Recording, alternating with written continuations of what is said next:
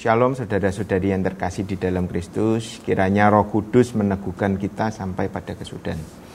Jadi kita tidak bercacat pada hari kedatangan Tuhan Yesus Kristus. Amin. Saudara, um, saya percaya betul banyak di antara kita yang benar-benar hidupnya itu rindu dipimpin Tuhan. Ya, Roma 8:14 semua orang yang dipimpin Roh Allah adalah anak Allah. Karena memang kita sudah diadopsi menjadi anak-anak Allah. Makanya hati kita punya kerinduan yang kuat untuk dipimpin Roh Kudus. Nah, ini namanya baru orang Kristen yang sejati. Nah, Saudara, dipimpin Roh Kudus itu aspeknya menyeluruh dalam hidup kita. Tapi sekali lagi, Roh Kudus itu butuh persetujuan kita. Artinya kalau saudara menolak roh memimpin, ya dia tidak akan maksa. Dia juga tidak akan menyulap kita tiba-tiba jadi memiliki watak Kristus sama sekali tidak. Cara Roh Kudus adalah memimpin kita dengan lembut, membangun bersama dengan kita. Bahkan waktu yang diperlukan pun bisa jadi adalah seumur hidup kita. Ya karena sering kali kita menolak ajakan Roh Kudus ketika dia mengajak kita untuk menjadi serupa dengan Kristus. Makanya prosesnya bisa jadi seumur hidup. Nah itulah yang namanya hidup dipimpin roh kudus. Proses seumur hidup mentaati apa yang menjadi maunya roh Tuhan. Hari ini mari izinkan firman Tuhan bicara. Mari kita dengarkan dan biarkan roh Tuhan menolong kita. Supaya kita bisa mengerti, percaya, dan melakukan firman Tuhan. Ya. Mari kita baca Amsal 16 ayat 24. Perkataan yang menyenangkan adalah seperti sarang madu, manis bagi hati dan obat bagi tulang-tulang. Perkataan yang menyenangkan, kalau di dalam terang iman perjanjian baru, ayat ini bicara tentang Evangelion, Injil. Karena memang kabar baik anak Allah turun menjadi juru selamat kita itu adalah kabar terbaik di dalam dunia.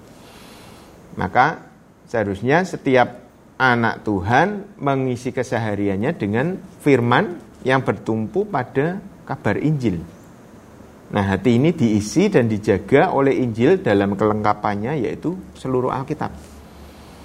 Nah, nanti kita akan uh, lihat jika kita isi hati kita dengan kabar baik, maka yang keluar dari mulut kita senantiasa adalah perkataan yang menyenangkan jaga hati dengan kewaspadaan karena dari situ terpancar kehidupan. Jadi uh, kalau kita isi hati kita dengan apa maka yang ada di dalam hati kita itu yang muncul itu Amsal 4. Isi hati dengan sumber terbaik yaitu Alkitab, maka yang mengalir dari mulut kita adalah perkataan yang menyenangkan. Bahkan uh, bukan cuma menyenangkan, malahan perkataan kehidupan yang berkuasa.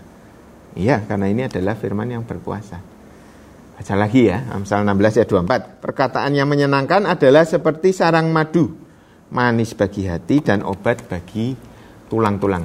Nah, penulis Amsal ini menganggap perkataan berkat itu adalah perkataan yang manis yang keluar dari sarang madu. Jadi sumbernya itu adalah dari sarang madu.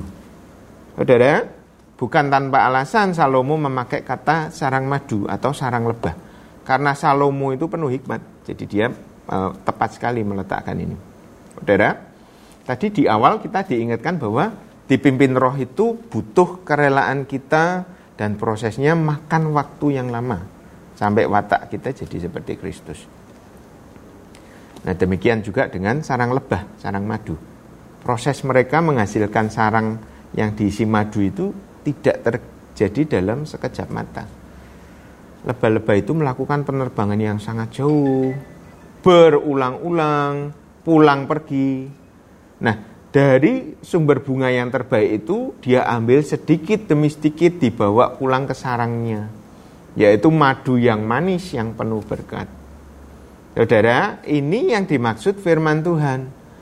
Roh Kudus menuntun kita kepada sumber bunga yang terbaik, yaitu firman Tuhan.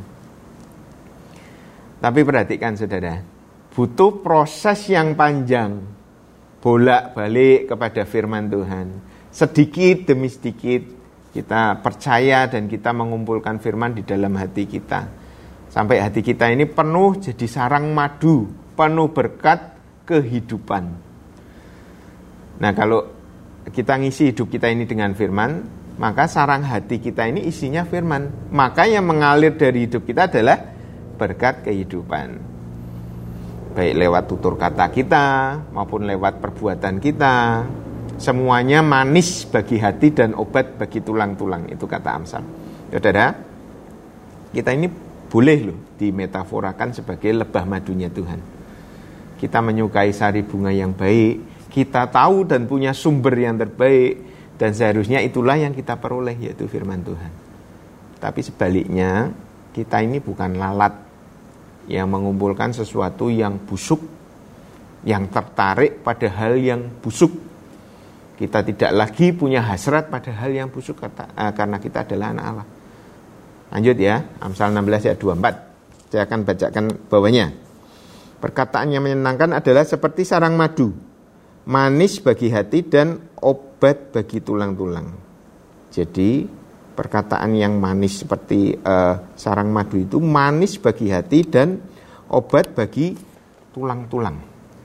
Saudara, kalau Amsal bilang perkataan kita ini bisa dirasakan manis, maka bisa jadi ada juga perkataan yang kalau diterima itu rasanya tidak manis, mungkin pahit, mungkin pedas, mungkin kecut atau tidak enak. Nah, saudara, perkataan kalau bersumber dari firman yang kita kumpulkan di hati kita itu dampaknya baik. Tapi kalau bukan berasal dari firman, dampaknya bisa tidak baik.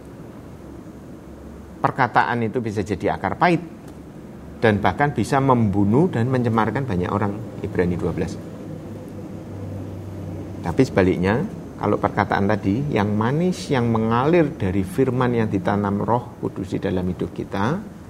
Nah, ketika mengalir dari hidup kita akan terasa manis bagi orang-orang sekitar kita. Bahkan kata firman Tuhan di sini jadi obat, jadi kehidupan, jadi berkat. Bahkan bisa membawa orang lain mengenal Tuhan dan diselamatkan.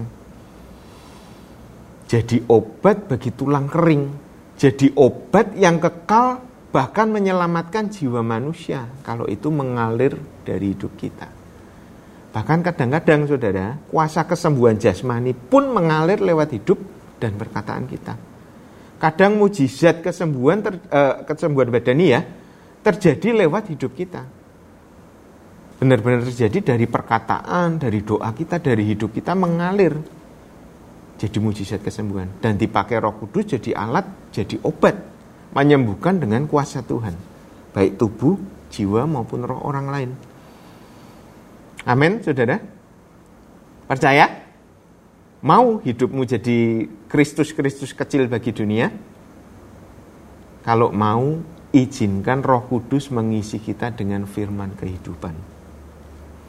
Nikmati prosesnya bersama Tuhan. Sebisa mungkin turuti keinginan Allah roh kudus.